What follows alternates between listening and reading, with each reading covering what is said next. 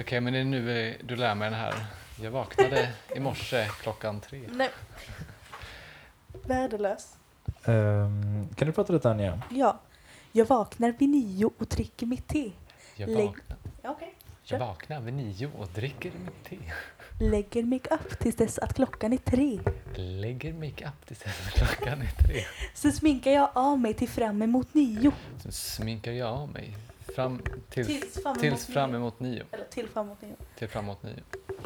Tar på mig min nattkräm och somnar vid tio. Tar på mig min nattkräm och somnar vid tio. Om jag inte liksom återger den helt korrekt, nu kommer de på teater så blir arga. Ja, vi kan inte starta med det här alltså, för det är för, det är för bra. Det är en sån eh, feministisk skildring av eh, Ja, så är det. Att vara kvinna med skönhets... i dagens samhälle. Mm. Det är fucking... Eh... Åh nej, jag kommer inte på någonting att säga. Samhällskritik, det var ordet jag letade efter. Yes. Är vi verkligen på sida 36? Uh, ja, det, där, Fan, vad an, alltså del två. Duktiga vi är. Men det är ju förord i 700 Ja, sidor. Så precis. att det, Men det, det vet ju våra lyssnare. ja, för de läser boken med oss. Exakt. Ehm, ska vi köra igång? Ja. Får vi se om du absolut hör eller inte. Ja, exakt.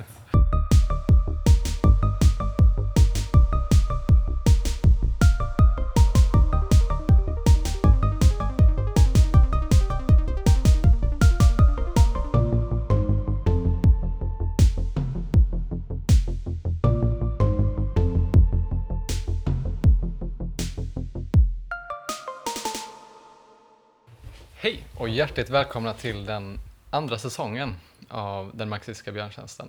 Så vi är här då på avsnitt tre, säsong två, avsnitt ett, första avsnittet på den andra säsongen och Men sammanlagt tre avsnitt. avsnitt tre, exakt. Just det. Mm. Så vilken säsong är vi på? Tre. Eh, två. Och vilket avsnitt är vi på? Ett Två. eller tre. Just Mm. det. Det här startar bra baserat på vad vi kommer att prata om om en liten stund känner jag. Jag heter Hugo Solling och ni heter? Anja Horne. Och Oskar Nyman. Mm. Det är vi som har de här förvirrande lika mansrösterna som Mm. vi ska blanda ihop. Ni vet hur det är, killar alla låter likadant. Förutom att din är lite, lite djupare, lite mjukare. Ja. Mm. Lite, Mer, mer, eh, lite mer Göteborgs-feeling, även om du Mm. jobbar på den lite nu. Jobbar, du Jobbar har lite lite mer den. eh, radiosmask i Mm. kanske. Mm. Ja, k- eventuellt, jag sitter ju lite närmare den här härliga dynamiska micken. Vi kan också säga att vi är i ett eh, regnigt Göteborg. Mm-mm. I Oskars vardagsrum. Ja. Stämmer. Vi har en katt som springer runt. Mhm. Ehm, Och numera bor vi alla tre i Göteborg. Mm. Jättepraktiskt. Vi flyttade hit endast för poddens, alltså för att podden skulle kunna överleva efter Ja. Folkis. Ja men exakt. Och det känns ju väldigt fint eh, att, ni, eh, att ni kom hit, för jag tänkte inte flytta på mig. Nej, exakt. Efter att vi alla studerade på poddlinjen, den marxistiska. Ja, poddlinjen på Fridhems folkhögskola. En av, en av tio grymma poddar som kommer från den linjen. Det är inte alla som klarar sin examen med sån bravur. Nej, Men vi så är det faktiskt. Mm. få det svår, svårvunna poddkontraktet. Ja. Mm. Och det vi gör är att vi läser kapitalet. Och så försöker vi förstå vad vi läser. Ja. Och vi tror att vi har läst typ sex sidor än så länge. Ja. Idag blir det några fler. Idag blir det några till ja. Mm. Mm.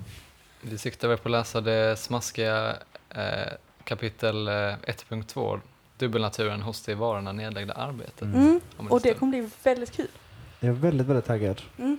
Men innan vi kickar igång själva läsandet, som Ja. det, det är det ni brukar lyssna på. Det är Mm. det ni brukar gilla, fansen.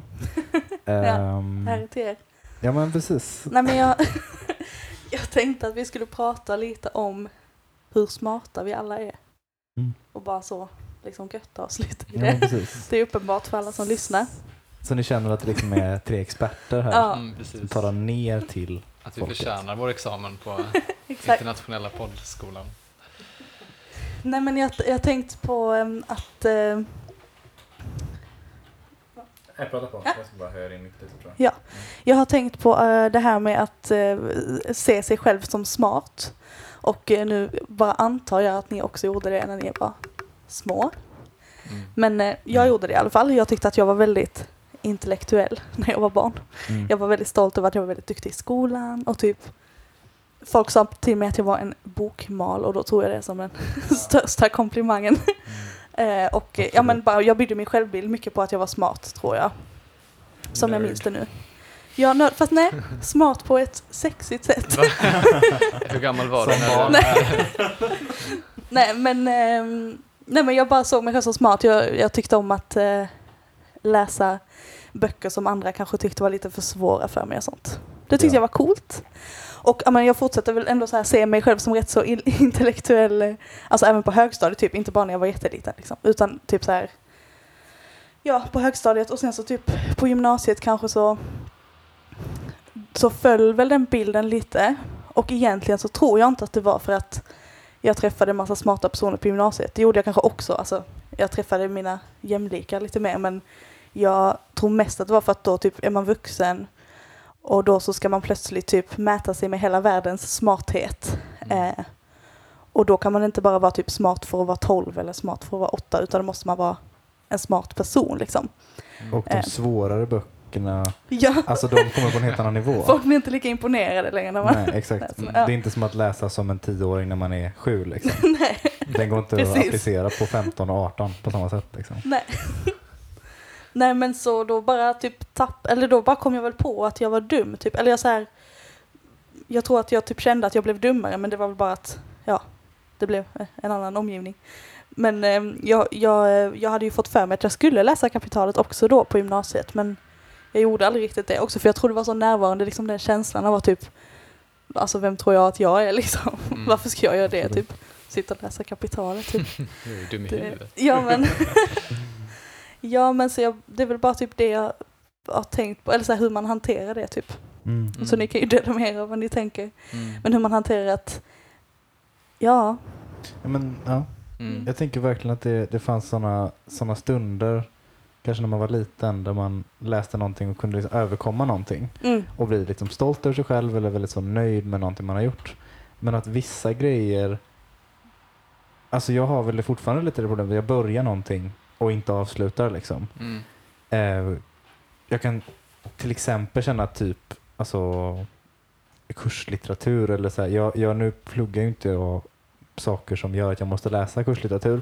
Men jag har ändå läst böcker med den ingången liksom. Alltså någon har Mm. skrivit en avhandling om någonting. Och det är ganska snabbt går det från så här shit vilket spännande ämne, det här vill jag verkligen lära mig mer om. Till att känna ganska så här, men vänta jag förstår ju inte texten liksom. nej. Eh, och sen kommer man liksom inte, jag känner att jag kommer liksom inte över kullen riktigt. Nej precis, men det, för det, är också, eh, det går emot ens självbild då kanske så mycket. För jag känner samma sak verkligen. Att, ja men kanske som när jag började läsa kapitalet förra Mm. gången då. Att man tänker på sig själv som rätt så intellektuell och så här smart och man klarar av att förstå det mesta typ. Mm. Och när man inte gör det då så är det så jobbigt att typ acceptera det och försöka typ så här att om man inte förstår det vid första läsningen så har man inte så här, man vill inte sätta sig och försöka förstå det liksom mer grundligt utan det känns förnedrande då. Ja. Och det kan egentligen skilja väldigt lite för om du hade varit eh, 12 då hade du kanske tänkt att "Men jag kan läsa när jag är 13 också, jag kommer fortfarande vara först. Ja, Mm. Men om du gör det när du är 16 eller så väntar du ett år och sen så bara nu är det, nu är det för sent. Marx var säkert 15 han skrev den här boken liksom. Ja, jag är redan två år dummare än vad Marx var. ja. Ja, Mm. ja men exakt. Men det är väl, jag kanske, eh, om man spinner vidare på det så tänker jag att det, det ligger ganska mycket i linje med min personlighet överlag. Kanske att så, här, Mm. så fort någonting blir lite jobbigt. Det här, det här tror jag vi tog upp första avsnittet väldigt snabbt när du pratade om det första gången. Ja. Alltså så här, att så fort någonting känns lite kämpigt Mm. så går det liksom emot då som sagt att man typ, jag är en sån person som så här, lär mig saker fort typ Ja. etc. Men om jag inte förstår någonting så är det så jävla tråkigt. Mm. Eh, och det är liksom, oftast krävs det inte att jag sätter mig in i någonting med liksom 110% fokus liksom, för att Nej. det ska liksom eh, alltså nu pratar jag väl mycket om idag men jag, det är någonting jag ändå tagit med mig väldigt, väldigt länge liksom. Ja. Mm. Eh, Men det är nog samma för mig verkligen. Det kan ju också verkligen lägga sig på hög väldigt snabbt då om man antingen får de här positiva erfarenheterna att man alltid tar sig över den kullen liksom. Då får man alltid mer skjuts och tvärtom liksom. Det går väldigt snabbt att man bara nu klarar jag inte läsa andra bandet av kapitalet heller. Alltså inte tre heller. Och sen så- Som din upplevelse av detta var när du var färdig med första bandet och du kände det här är det svåra andra bandet. det svår, svår, svåraste bandet att skriva och läsa. Men vi har pratat om det då eftersom jag också jag läste kapitalet kanske precis i den vändan och så får man också en positiv boost av att jag har läst kapitalet för Anja liksom. Hon måste vara dum i huvudet jag är supersmart. Ja. Och så kan man bygga hela sin relation på det sen. Nej, men man Ja. kan bygga sin egen eh, bild av hur kapabel man är att läsa kapitalet på att man redan har gjort det. Mm, Mm. absolut.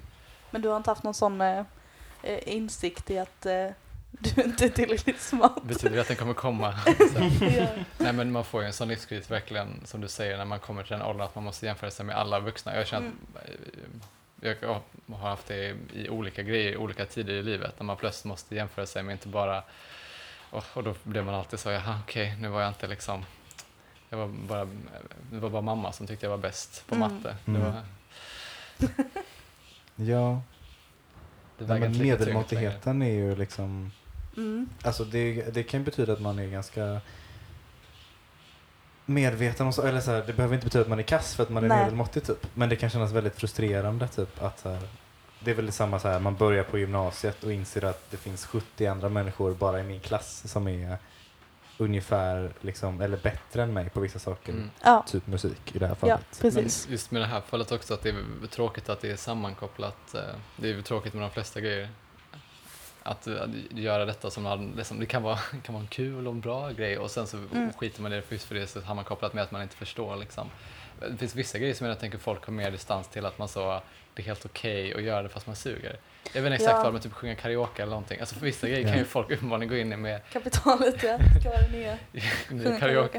Nej, men att vissa grejer kan man gå in med och bara tänka jag suger på detta och jag är 30 men jag kan ändå göra en chans. Det är ändå liksom. kul att göra det. Ja. Ja. Mm. Nej men det finns ju inte en sån kultur när det gäller ja, men, alltså, politisk diskussion överlag. Kanske. Alltså, det är en rätt så seriös värld och det är också, eftersom man alltså, tänker också då kanske på debatter och alltså sånt där, det är inte riktigt den här stämningen av att man Opinion inte... live. Ja, nej, men man får inte lov att inte kunna så mycket utan man får gå in liksom väldigt mycket kunskap och sina argument redo och så bara kör man på det Mm. Ehm, ja, det kan kännas som att det, det gick väldigt snabbt förbi den här tiden när man fick lov att lära sig typ. Mm. Plötsligt var alltså bara alla kunde massa grejer runt omkring en och man själv kände så att ja, jag har fortfarande ingen koll typ. Och sen så bara, eller för min del, och jag bara så här mörkar lite hela tiden att ja, men jag kan också, jag vet precis vad ni pratar om och sen så går tiden och så har man Ja. missat Det är ett jättemycket. fönster där första terminen i ettan på Ja men typ det är då man ska få in Sen vaknar man all upp en info morgon och så liksom. bara... Ja, och då är det verkligen all info som finns i den här boken och all, ja, jag vet inte, all vänsterpolitik som har ja, funnits. Men jag kan känna att jag hade en sån väldigt stark uppvaknande typ i så här högstadiet. Jag hade väl Ja. gått ganska länge. Liksom, och så här, jag, började läsa, jag började lära mig läsa väldigt tidigt. Typ, och så här, mycket saker som, ja men som sagt, man, man kanske har fått liksom, eh, respons för att man är smart eller för att Mm. man har förstått saker, bla bla. Eh, men typ när jag gick i högstadiet så kom det in en kille i min klass som också blev en ganska nära vän till mig och liksom det gänget jag hängde med. Och de var väldigt så, eller han var väldigt liksom, smart och intellektuell och pratade väldigt mycket om politik och han liksom fick verkligen den platsen liksom, eller Mm. man säger, i, i vårt gäng. Att helt plötsligt var det han som var den som man skulle så här, fråga om, om politik eller andra sådana Mm. saker. Och det blev ju väldigt läskigt typ, för mig att så här, känna att jag fick hela tiden så antingen typ parera och bara så här, ah, ja men jag kan också det där. Eller typ, ah, ja men det där är inte viktigt att kunna. Eller Ja, så här, ja. att, men det, ja, men upp- uppvaknande liksom så här, shit, det här kommer in en kille som är lika gammal som mig Mm. och ändå kan liksom kan verkligen utklassa mig i det. Mm. Alltså, det är en ganska jag antar att, jag hoppas att folk kan relatera till den känslan. Mm. Att Ja. inser att man bara så här, I'm shit typ. Att Ja. du borde bli den roliga istället. Ja, exakt. Och sen så- kom den roliga också. Och Nej, högstadiet va? Mm. Ja, men det är väl också förhoppningsvis eh, lite med det som i baktanken som vi har eh, haft med den här podden då, att man ska kunna ta sig an någonting som man egentligen inte alltid är kvalificerad för att göra eller känna att man kan Ja. ge sig på något som är väldigt svårt utan Ja, förkunskaper. och alltså att det är väldigt viktigt att vi får vara väldigt dumma då, typ, eller så här. Mm. Ja. Det bara en enda stor brasklapp. Ja, Ja. exakt. Det här hela det här Ja. introt är bara så. Vi trodde att vi var smarta, men vi var typ tio. Snälla, don't judge us. Vi tänkte inte bara- detta innan vi började läsa, det var de här sex sidorna vi har läst oss som har knäckt oss.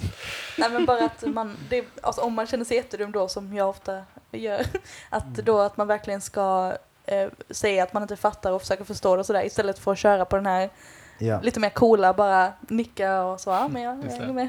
För det hade jag kunnat göra genom hela boken annars men då Mm.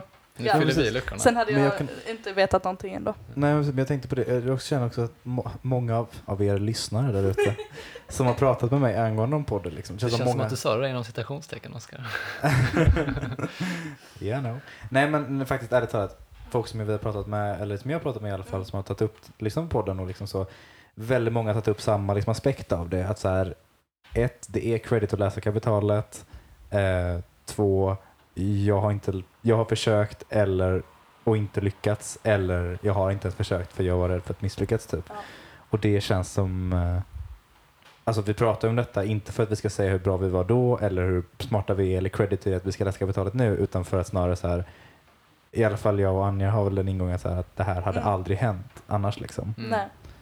Nej. Eh, Jag kan väl också bara lägga till att även folk som inte har hört talas om, inte är intresserade av eller är politiska motståndare är också väldigt välkomna till att lyssna. För det känns ändå som vi har en relativt förutsättningslös och öppen eh, läsning i alla fall Mm. ja, av det. ja, men absolut. Relativt. Det är svårt att ha en eh, annat än öppen läsning när man inte förstår. Förstår någonting?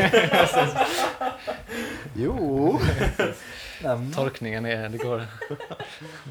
För Ja. att kunna ha några eh, politiska konklusioner av det så måste man kunna förstå det först. Man behöver inte känna sig avskräckt om man inte på något sätt eh, Nej, vill Om känna ni har sig kopplad kommit till detta. hela vägen till säsong två, avsnitt ett eller tre, till den här delen av podden och ni kände så, nej jag är ju inte marxist eller kommunist, så vill vi ändå ge en, en sån eh, en shout-out. Ja, men precis. Vi kan ju säga det också on a more serious note att det, är- det är för vår egen och andras folkbildnings skull och inte nödvändigtvis än så länge för en politisk propaganda. Nej. Det kommer i säsong tre. Mm. Så att, eh, keep, keep it up.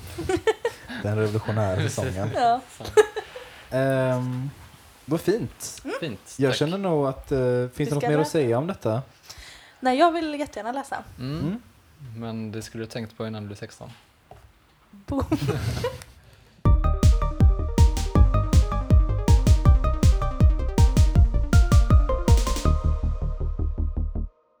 Vi kan ju bara säga då att vi, eh, på grund av att vi är i Oskars vardagsrum, har vi väldigt eh, dåligt ljud. Ja, tack. Nej men vi kan ju, ja. Eh, vi kan ju säga att jag tänker att det viktiga är att vi gör ett avsnitt. Jag, jag känner att det är hellre ett lo-fi avsnitt än ett avsnitt som kommer om en månad. Så vi valde att sitta hemma med en Zoom och lite så trevligt sitta runt vardagsrummet och snacka. Hoppas att det går att lyssna på. Mm. Eh, yes. Okej, för att sammanfatta lite ni som, inte, ni som missade den första säsongen, eller de första sex sidorna av kapitalet, så har vi lärt oss att rikedomen i kapitalistiska samhällen visar sig som en enorm varuanhopning. Vilket Och- betyder? Eh, vi skulle ha betoningen på varuanhopning. Nej, men Mm. att eh, vi börjar med en analys av varan, för det är så rikedomen visar sig. Och det som utmärker varor är att de är nyttiga för människor. Och att de är nyttiga för människor, alltså att man kan använda dem för någonting, eh, är att de har ett bruksvärde. Som då är ett kvalitativt, kvalitativt begrepp. Eh, det vill säga att det är hur det är nyttigt för en människa. Till exempel om man har en fisk så kan man eh, äta den och om man har en smartphone så kan man lyssna på en marxistisk podd i Mm. den. Så bruksvärde är helt enkelt bara att man kan använda produkten till något särskilt. Precis, hur den är nyttig Ja. för en. Och det måste inte vara ett, det kan vara ett andligt behov såsom ett eh, fysiskt behov. Ja. Precis. Det är ett lite mer andligt behov att lyssna på oss. Kan Ja, vissa där ute är ganska inne på... och även om man då inte kan jämföra de här olika bruksvärdena, för hur kan man eh, säga att det är, det är svårt att jämföra det här då behovet att lyssna på oss som att äta fisk, Mm. förutom att det är helt värdelöst att lyssna på oss. Och, och att ingen av oss äter fisk. Eh, så är bytesvärde då den kvantitativa aspekten av värde som olika varor kan jämföras genom. Mm. Som då till exempel, eh, det var väl en fisk och en dator där som i början, själva bytesförhållandet mellan dem. Mm. Medan då det kvalitativa, eh, det specifika arbetet skapar det kvalitativa värdet. Till exempel om man då snickrar ihop en stol så är det det här snickeriarbetet som skapar det kvalitativa i stolen, att man kan sitta på den.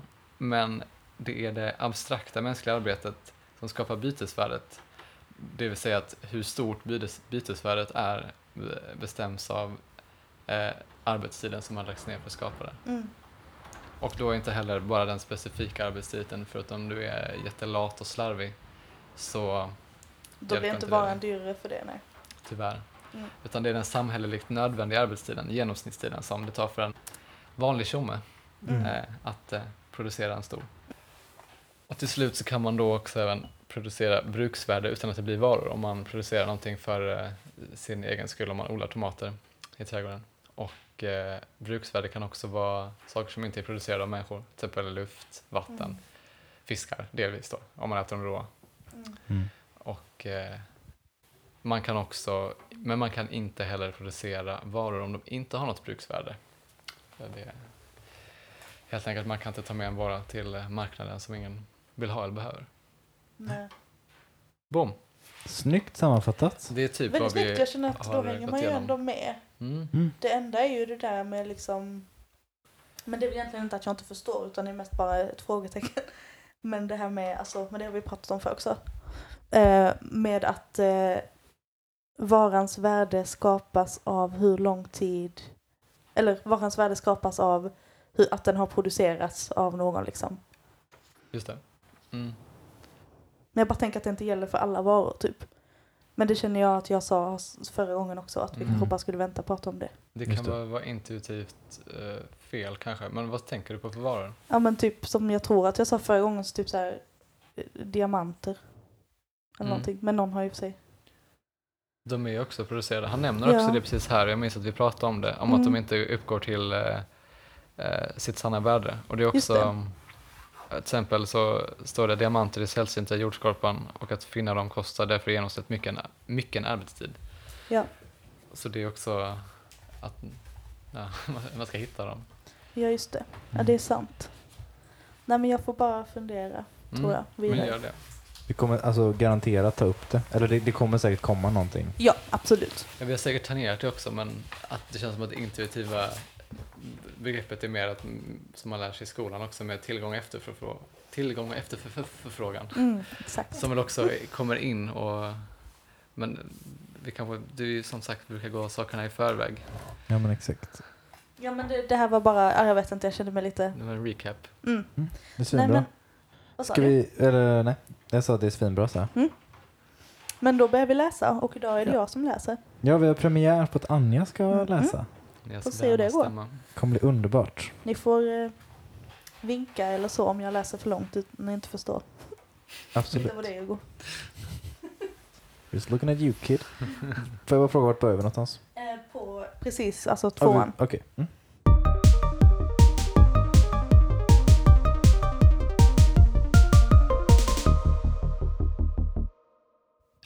Dubbelnaturen hos det i varorna nedlagda arbetet. Ursprungligen framträder varan för oss som ett slags tvillingväsen, bruksvärde och bytesvärde. Senare visade det sig att inte heller arbetet äger samma karaktär då det är uttryckt i värdet som då det frambringar bruksvärden. Jag förstod inte andra Nej, jag är meningen. redan lost också. Senare visade det sig att inte heller arbetet äger samma karaktär. Då det är uttryckt i värdet som då det frambringar bruksvärde. Jag tänker att det ska vara att sen fick vi reda på att arbetet också har två karaktärer eh, eftersom det är annorlunda när det är uttryckt i bytesvärdet och bruksvärdet. Att det är det specifika i arbetet som skapar bruksvärdet och det allmänna i arbetet som skapar bytesvärdet. Okej. Ja. Ja. Denna tvillingnatur hos det i varorna nedlagda arbetet har först av mig blivit kritiskt påvisad. Wow, jag måste bara avbryta för den extrema egoboosten han la in till sig själv där. Ja men menar han att han är den första som Ja. har varit kritisk till det? Okej. Jag tänker också att eh, han är bara så jävla självgod. Men det, Mm. jag tror det är det han menar. Eh, denna punkt är själva kärnpunkten då det gäller att förstå den politiska ekonomin och ska därför närmare belysas här. Det låter Mm. vettigt. kör vi. Vi tar två varor, till exempel en rock och tio alnar linneväv. Vi antar att rocken har dubbelt så stort värde som 10 alnar linneväv. Alltså om 10 alnar linneväv är lika med W så är rocken lika med 2W. Det här känns bra. Ja. Det känns tydligt. Rocken är ett bruksvärde som tillfredsställer ett speciellt behov. För att framställa den krävs ett bestämt slag av produktiv verksamhet som bestäms av ändamål, förfaringssätt, föremål, medel och resultat. Det arbete vars nytta ter sig som ett produktens bruksvärde eller vars produkt är ett bruksvärde kallar vi kort och gott nyttigt arbete. Ur denna synpunkt betraktas det alltid med avseende på sin nyttoeffekt. Okej. Mm. ehm, Jag var med där ett tag men sen så försvann det lite. ja, eh, men det, vi förstår att rocken var ett bruksvärde, man vill ha den på sig. Eller lyssna på den. Ja, det är vilket som. Eh, och för att framställa den för att framställa den krävs eh, produktiv verksamhet. Mm. Och ett, ett speci- specifikt sätt. Mm, Alltså mm. man måste sy den, man måste... Ja, precis. Mm. Spela den på rätt sätt. Ja, men, Eh, men här då, det arbete vars nytta ter sig som ett produktens bruksvärde eller vars produkt är ett bruksvärde. Ja, Ja, alltså, men precis, det Det, arbete arbetet de som- gör för att rocken ska bli en rock Ja, är en del av bruks... Nej. och det kallas för nytto, Ja. nyttigt arbete. Mm. Precis, det arbete som leder fram till en, en produkt. Produkt. som är ett bruksvärde. Mm. Kallas för nyttigt arbete. tänka i motsats till eh, onyttigt arbete. Som leder fram till något som Dålig ingen vill ha. rock. Ja, okej. Mm. Ja, men då så. Mm. Liksom rock och linneväv är kvalitativt olika bruksvärden så är också de arbeten som gett upphov till de kvalitativt olika skrädderi och väveri. Om dessa ting inte vore kvalitativt olika bruksvärden och därmed produkter av kvalitativt olika nyttiga arbeten så kunde de överhuvud inte komma i beröring med varandra som varor. Rock bytes inte mot rock, ett bruksvärde inte mot samma bruksvärde. Ehm varför kan man inte byta rock mot rock? Mm, det- det känner jag att det kan man ju också göra. Ja, Det kan man väl göra men, Men- poäng, om det är två exakt likadana rockar. ja då finns det, lika det mycket det då bruksvärde. liksom. Ja, alltså, för det är ju inte liksom en svart rock mot en blå rock Nej, eller precis. en bra rock mot en dålig rock för då har de inte samma. Då har de inte samma bruksvärde. Nej, det har du rätt Så i. skulle jag tolka det i alla Mm. fall. Mm. Eh, Men jag- jag förstod inte. De är kvalitativt olika bruksvärden Ja, och arbetena i sig är också kvalitativt olika. ja, för en är skräddare och en väver då. Exakt. Om dessa inte, vo, inte vore kvalitativt olika bruksvärden så kunde de överhuvudtaget inte komma i beröring med varandra som varor. Nej, Alltså, eftersom de är olika så kan de bytas. ja, för skulle de vara Mm. exakt likadana skulle inte finnas något Något Byter behov det. av det? Mm. Nej. Mm. Mm. Mm. Sammanfattningen av de olikartade bruksvärdena eller varukropparna svarar mot en sammanfattning av lika mångfaldigt varierande till släkte, art, familj, underart, varietet, olika nyttoarbeten. En samhällelig arbetsdelning. Den är ett varuproduktionens existensvillkor, ehuru varuproduktion vice versa inte är något villkor för den samhälleliga arbetsdelningen. Eh, Jag hänger inte alls Nej, med på vad jag är faktiskt läser. Lite med. Ja, man förstår varför han inte hamnar på diggerlistan, höll jag på att säga. Det är lite högtravande.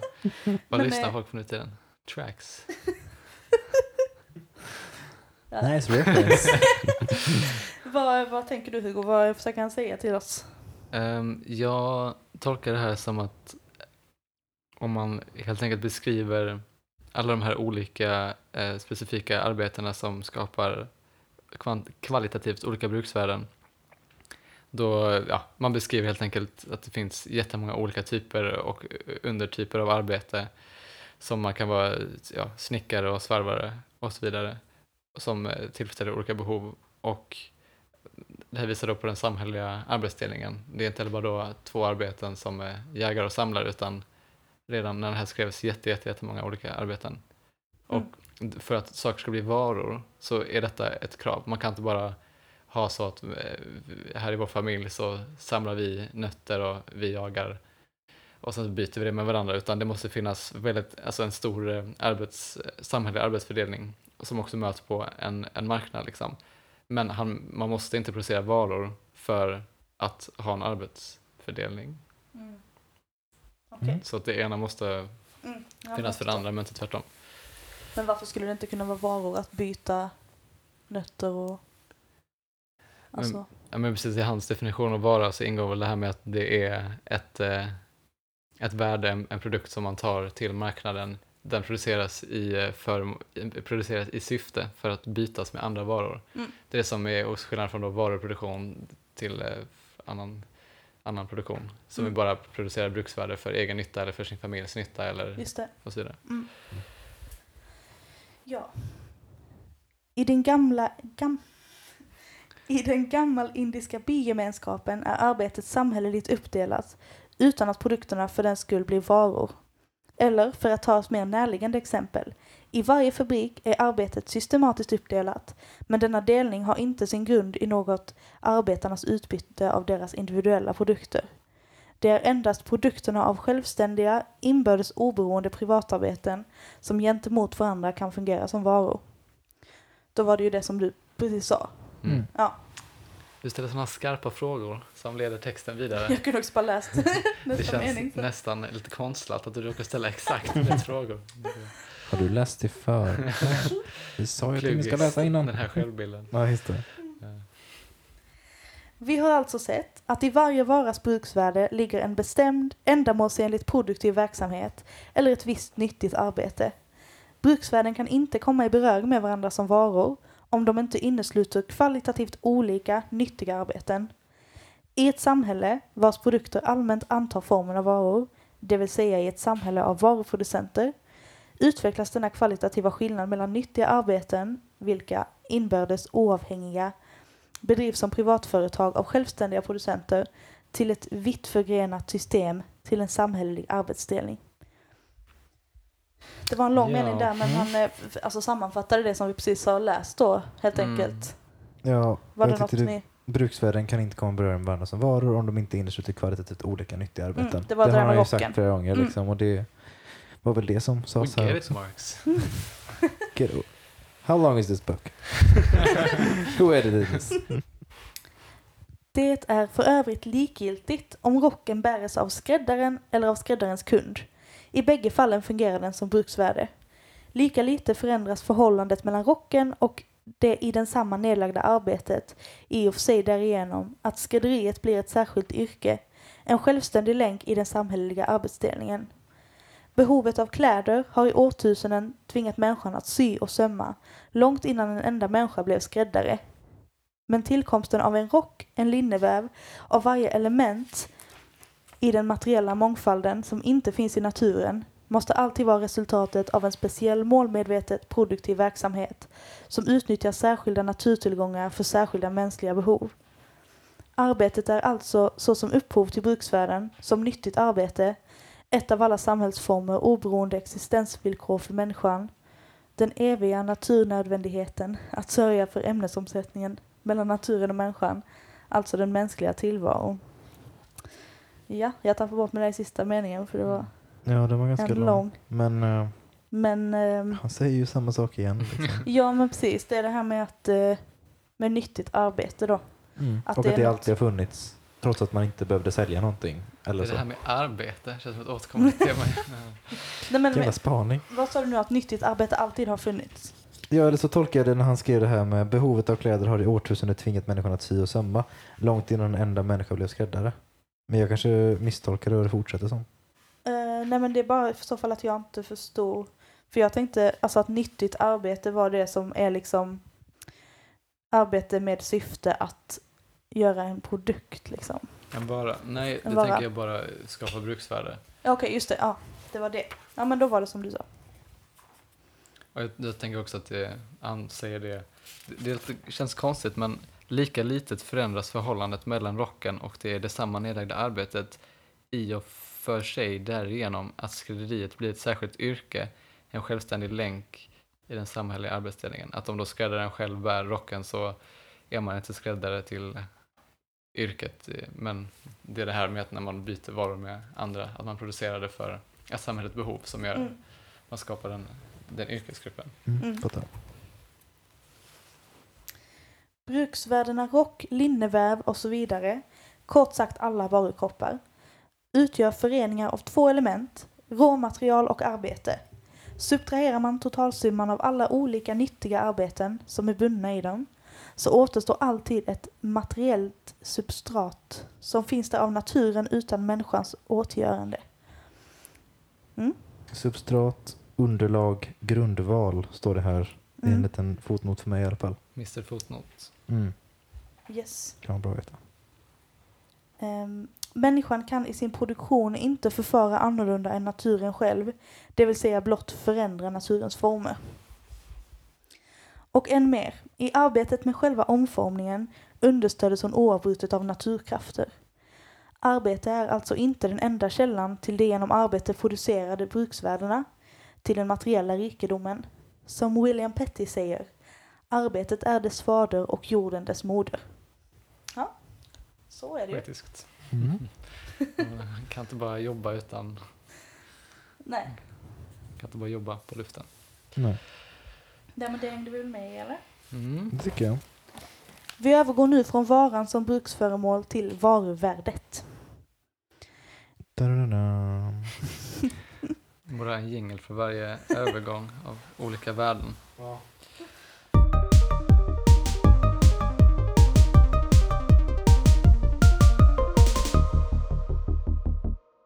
Ehm, enligt vårt antagande har rocken dubbelt så stort värde som linneväven.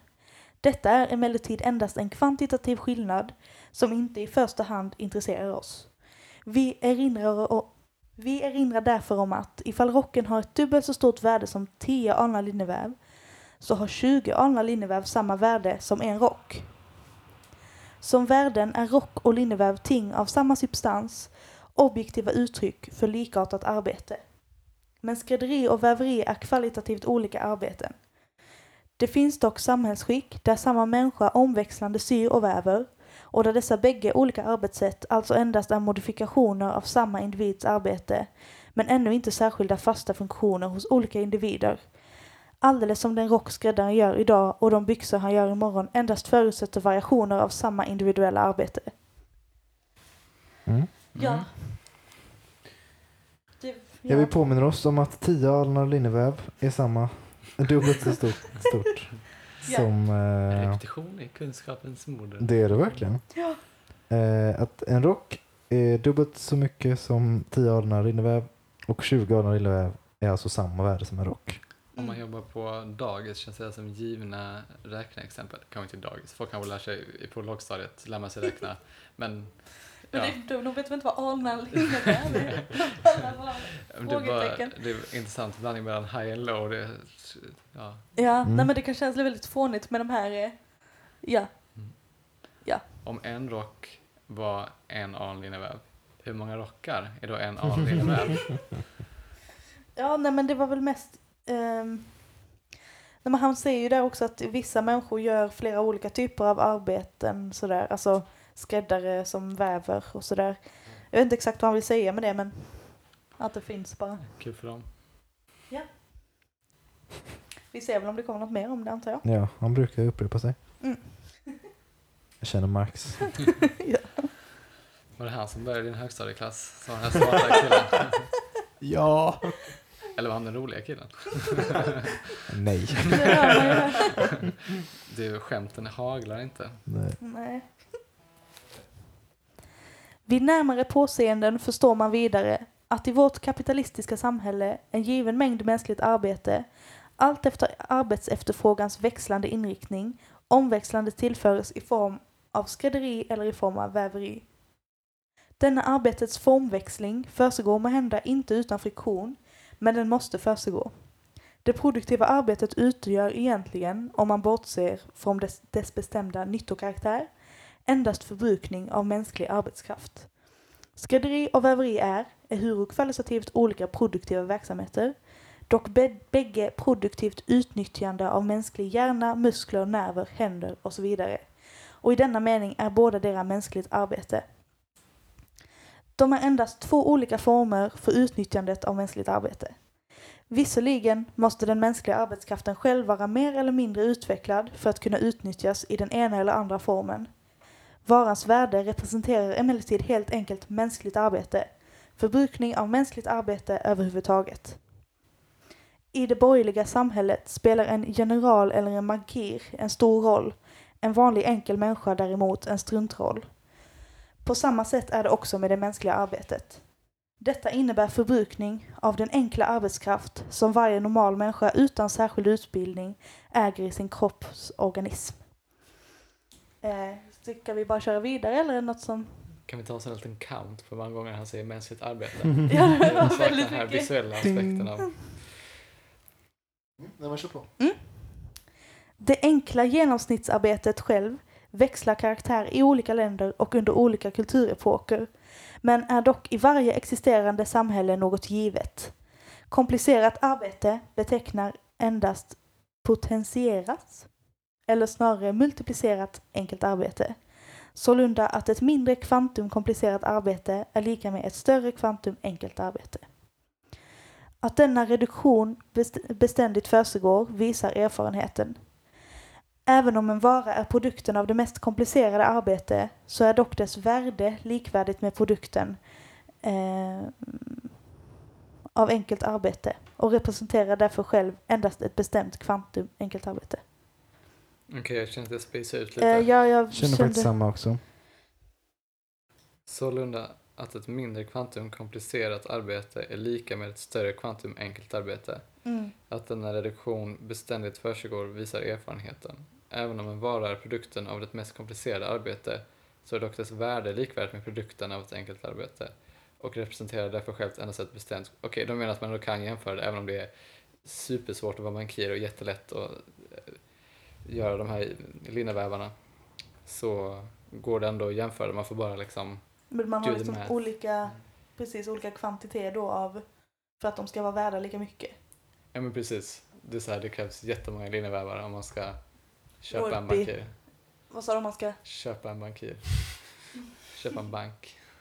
De olika proportioner i vilka olika slags arbete reduceras till enkelt arbete som måttsenhet fastställs genom en konventionell process bakom producenternas rygg och förefaller de därför bestämda av sedvänja.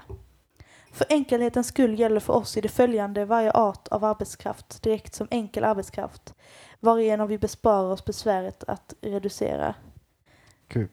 Jag Ja, förstår inte Jag känner riktigt. att jag bara läser utan att... Mm. Men han tycker att han menar att i resten av boken så kommer det vara som att eh, alla människor kan utföra alla arbeten. Eh, även om vissa arbeten kräver utbildning liksom.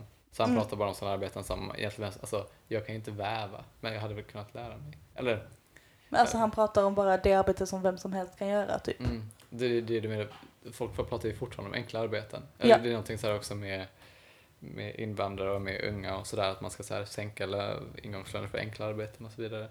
Mm. Alltså då menar man folk som så här, alltså det krävs kanske inte ens gymnasiekompetens till det. Nej. Dock så är det ju, jag känner bara att jag hade väl haft nästan lättare att bli bankir än vävare. Eller idag, jag känner att det Ja, liksom, jag känner också nog det. Men min ingång, ja. Men det är fortfarande, man har, det är så här ett jobb man lär, lär sig on the job liksom. Mm. Men det skulle ändå ta en jävla stund innan jag kunde, du kunde väva något av väva. värde. Ja, verkligen. Ja. Men bankir känner jag kan mest sätta mig och eh, chansa Ja. lite. Det är mest att spela lite golf. lite gött snack. Precis, det känns mer också att man kan så bara freebasea det liksom. Ja. Och så bara, alltså, man kan klara sig en vecka liksom och så Ja. kan man bara så här råda, råda folk att köpa den här Afrikafonden liksom. Men Ja. väva är det svårare att freebasea.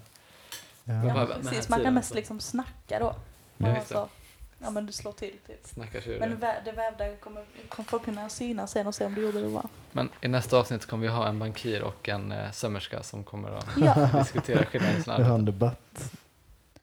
På samma sätt som man alltså i värdena rock och linneväv har abstraherat skillnaden i deras bruksvärden så abstraherar man också i de arbeten som är nedlagda i dess värden skillnaden i dess nyttoformer, skrädderiet och väveriet. Liksom bruksvärdena rock och linneväv är föreningar av ändamålsenligt produktiva verksamheter och tyg och garn medan värdena rock och linneväv däremot endast är likartad arbetssubstans så har också det i dessa värden ingående arbetarna sin betydelse, inte genom sitt produktiva förhållande till tyg och garn, utan blott som förbrukning av mänsklig arbetskraft. Just genom sina olika kvaliteter utgör skrädderi och väveri produktionselementen i bruksvärdena rock och linneväv. Men substans för rockvärde och linnevävsvärde är de endast så vitt från de abstraherar speciell kvalitet och bägge gemensamt äger kvaliteter såsom mänskligt arbete. Pling. Förlåt. Ubåt som mänskligt arbete. Mm. Men eh, Det var en väldigt bra fotnot här på förra sidan ja, som vi missade. Jämför Hegel, filosofi, Nej, design, Berlin 1840, Ja, sidan precis. 250. läs. För jag har den så direkt i, i, Just det. in the back of my Ja, du missade det. Nej, den andra där. Läsarna Ja. måste komma ihåg att här inte är tal om lön eller om det värde som arbetaren får till exempel för en arbetsdag, utan om det varuvärde vari hans arbetsdag materialiseras. Arbetslönens kategori existerar överhuvud inte på detta stadium av vår framställning. Var satt den här foton Det, någonstans? hade, det kom efter... eh, Sidan 39. Ja, Alltså det det var så. 39. Även om en vara är produkten av det mest komplicerade arbete så är dock dess värde likvärdigt med produkten av enkelt arbete och representerar därför självt endast ett bestämt kvantum enkelt arbete. Det. Så då Att det vi alltså, inte snackar om lön. Jag vi det pratar inte om var- liksom pengar, pris, lön så, Nej. utan det är liksom värde som är... Mm, Ja. Men också eh, precis att eh, själva den här eh, väven Mm. har eh, ett, samma värde som den tjänsten markeringen utför. Alltså även om det då inte är fråga om lika mycket tydligen. Så är Nej det men det, samma. det är också då Mm. för att de, de är liksom baserade på mänskligt arbete. Mm. Yes. Någon har jobbat för att framställa det och då har de ett värde. Problemet blir i, i Alien 2 när vi ska jämföra det med deras arbete. Kapitalet Det är det som är andra i volym. 2 då. Ja, vi, har Ja. inte, vi har inte kommit så långt än. Det kommer det här, eh, vad heter den filmen med eh, Kaliforniens guvernör? Eh, Ar- Arnold Schwarzenegger. Mm. Terminator. Ja. Ja, det är bara den som tvåan Det var, om. snyggt, ja. det var snyggt att du liksom började med Kaliforniens guvernör, sen hans namn, sen filmen som alla känner till. Liksom. Det är för att jag inte har sett den, så jag får börja inte helt fel ände. Ja. Han som är jättebiffig, Yes. Och- som, vars arbete inte kan räknas som i samma kategori som mitt. Nej, han är inte Terminator. Jo. Han är det? Ja. Jävlar.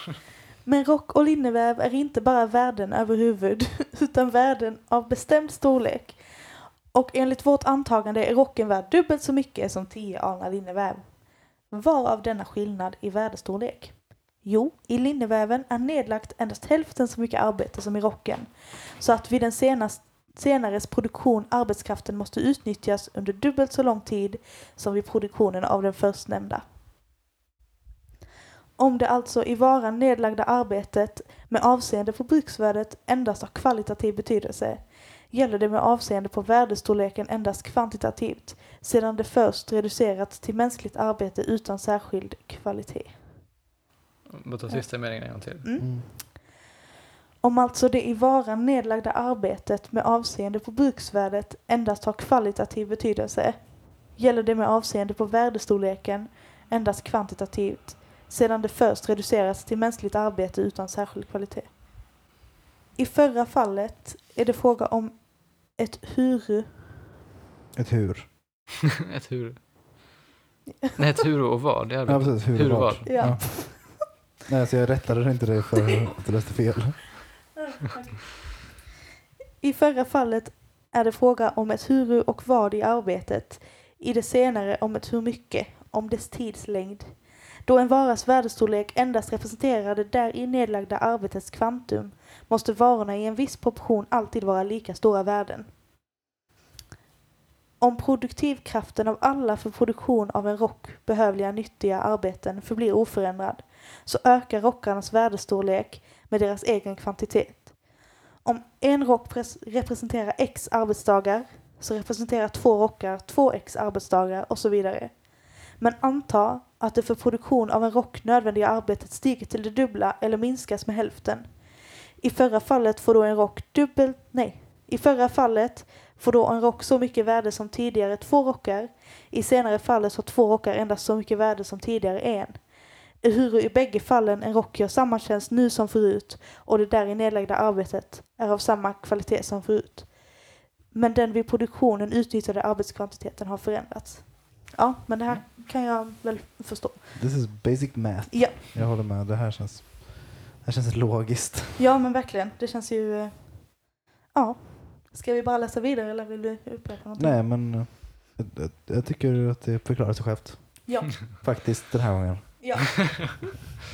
Annars får ni skicka arga, arga mejl om Ja, ni inte tycker att det förklarar sig självt. Skriv Har till oss på Facebook. Tio minuter lång inledning om att det är viktigt att man ska vara helt förutsättningslöst. Om ni inte förstår att ni är dumma i huvudet. Ja, men x är lika med 1x, 2x är lika med 2x. Det är liksom inte... Till och med vi som är så dumma fattar detta. Exakt. Ett större kvantum bruksvärde utgör i och för sig större materiell rikedom. Två rockar är mer än en. Med två rockar kan man klä två människor. Med en rock endast en.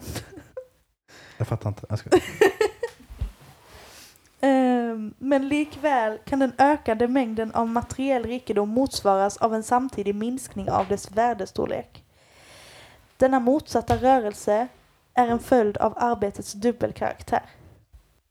Ett större kvantum bruksvärde utgör i och för sig en större materiell rikedom. Två rockar är mer än en. Med två rockar kan man klä två människor, med en rock endast en, och så vidare. Men likväl kan den ökande mängden av materiell rikedom motsvaras av en samtidig minskning av dess värdestorlek. Denna motsatta rörelse är en följd av arbetets dubbelkaraktär. Produktivkraft är givetvis alltid det, än det nyttiga, konkreta arbetets produktivkraft och den bestämmer i verkligheten endast effekten av, den, av en ändamålsenlig eh, produktiv verksamhet under en given tidsperiod. Det nyttiga arbetet blir därför en rikare eller fattigare produktkälla i direkt relation till sin produktivkraft stigande eller fallande. Eh, nu hänger jag inte riktigt med på vad jag säger. Nej. Eh, nej, det känns som att det alltid är samtidigt när jag börjar läsa. Man hör det på din röst att du svävar iväg och då blir man själv också så. Ja, men jag förstår det för ibland. Ja. Mm. Det är också att man bara vill lyssna till den vackra klangen och melodin i den exotiska dialekten och så förstår man inte ett ord av innehållet. Tack. Varsågod. Mm. Ehm, Ja, men... ehm, men ibland är det bara så svårt när man inte vet vad meningen kommer leda. Alla de här olika kommatecknen och så här. Hur man ska betona. Så exakt. tänker mest på det. Men, Eh. men likväl kan den ökande mängden av materiell rikedom motsvaras av en samtidig minskning av dess värdestorlek. Alltså, Ja, alltså vi, kan fort, vi kan klä fyra människor med fyra rockar, men det kanske går, lång, eller, eh, går snabbare att göra fyra rockar. mm. Därför kommer dens värdestorlek att sjunka. ja Mm. Eftersom precis. det inte krävs Precis. likadant arbete för varje rock. Utan Nej. det kanske blir Mm, lättare så. för varje rock. Mm. Eller, så tolkar jag det. Just det, så Ja. får fler bruksvärden men egentligen så de kan inte byta till sig bättre grejer för den här rocken liksom. Nej, precis. Det är Om man, inflation i rockvärde. Ja, men precis. Om man syr en jättefin rock så har man ju lärt sig det. Man har en modell att gå efter. Så tänk, alltså jag tänker om man Mm. har det. Liksom, som, Mm. Inte vad menar du? Man har...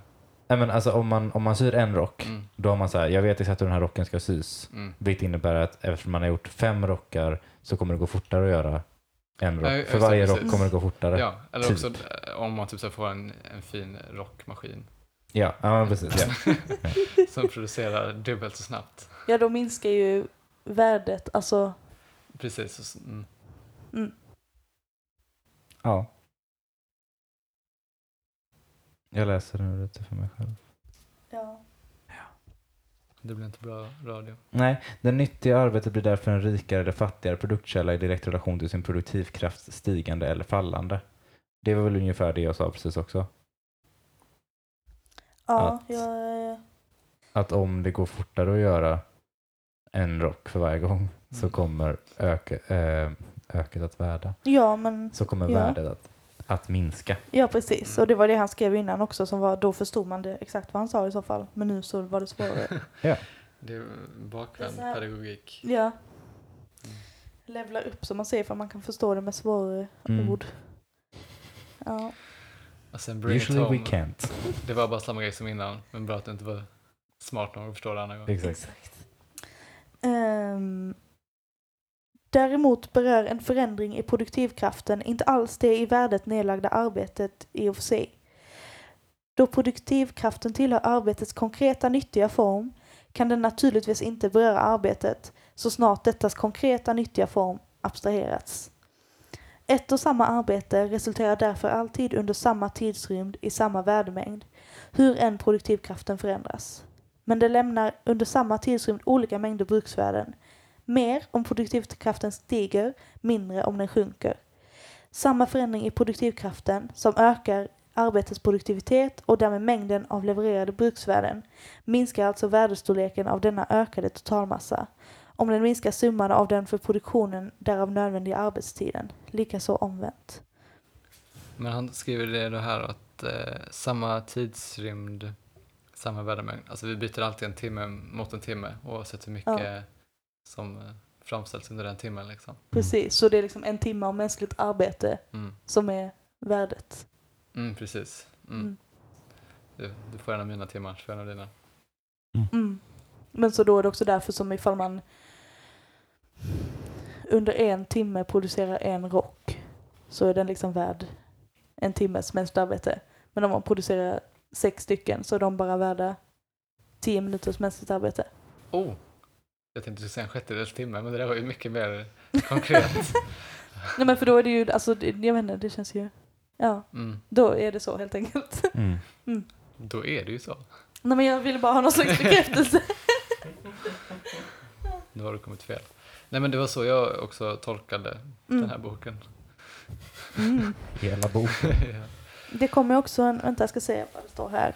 Mm. Av det föregående framgår att även om varan, in, varan inte innehåller två slags arbete i egentlig mening ligger dock i detta samma arbete en motsats allt eftersom man hänför arbetet till varans bruksvärde såsom varande arbetets produkt eller till varans värde såsom varande dess rent objektiva uttryck. Det gav mig ingenting faktiskt. Nej, då tycker jag vi Nej. fortsätter. Denna mening är ur franska upplagan. Ja okej men då så. Det var därför jag inte det. någonting. Ja, It's in French. Allt arbete är å ena sidan förbrukning av mänsklig arbetskraft i fysiologisk mening eh, och i denna sin egenskap av samma mänskliga eller abstrakt mänskliga arbete bildar det varuvärdet. Allt arbete är å andra sidan förbrukning av mänsklig arbetskraft i en speciell planmässig form och i denna sin egenskap av konkret nyttigt arbete producerade bruksvärden. Det var mycket lättare att förstå tycker jag Mm. än tidigare Mm. grejer. Jag kunde lagt den först. Allt arbete är en produkt av mänskligt arbete, liksom rent allmänt mänskligt arbete. Men det är också Mm. såklart specifikt mänskligt arbete då, som, typ- att väva eller att vara skräddare eller... Mm. Ja. Och det är därifrån man får bruksvärdet också då. För Mm. att det är Yes. något konkret nyttigt arbete producerar bruksvärde. Man kan inte bara eh, ägna sig åt Arbeta abstrakt allmänt. mänskligt arbete utan att specificera det. Så bra, folk frågar vad, vad gör du då? Just det. Liksom varan framförallt måste vara en nyttighet för att vara ett värde, så måste arbetet också framförallt vara nyttigt för att gälla som förbrukning av mänsklig kraft, mänskligt arbete, i ordets abstrakta mening. Värdets substans och värdestorleken är nu bestämda. Åter, återstår att analysera värdeformen.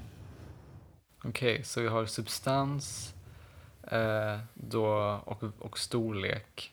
Så värdets substans är eh, arbetet, nedlagt arbetet och storleken är då eh, tio rockar i en linneväv. Alltså själva Mm. hur mycket tid Mm. och själva då formen.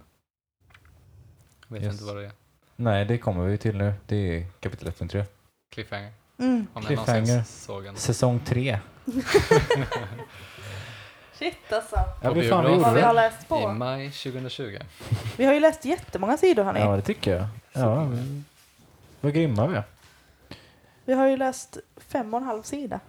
Ja, det är sjukt. Det är Ja. lika mycket som vi har läst Mm. innan. Mm. Fan vad kul. Så det är en timme av eh, abstrakt arbete vi har lagt ner här. Ja. Exakt. Värdet, Och vad eh, fan får jag för pengarna? fråga kamrat Sara på ABF Nordvästra Skåne. Mm. Ja men fan vad fint. Ja, känns jättebra. Ska vi, ska vi säga tack då för idag? Tack för att ni orkade igenom ännu ett avsnitt av den marxistiska björntjänsten. Tack och förlåt kanske vi säger om det ljudet är kast. Tack Ja. också om ni inte lyckades. Vi borde lägga in en, en liten eh, spoiler mitt i. Tack bara för att ni tog er hit Ja, var tionde minut. så den här sponsras av Tack. Den sponsras av er. Nej men eh, med de orden, Mm. har vi någonting att lägga till? Nej.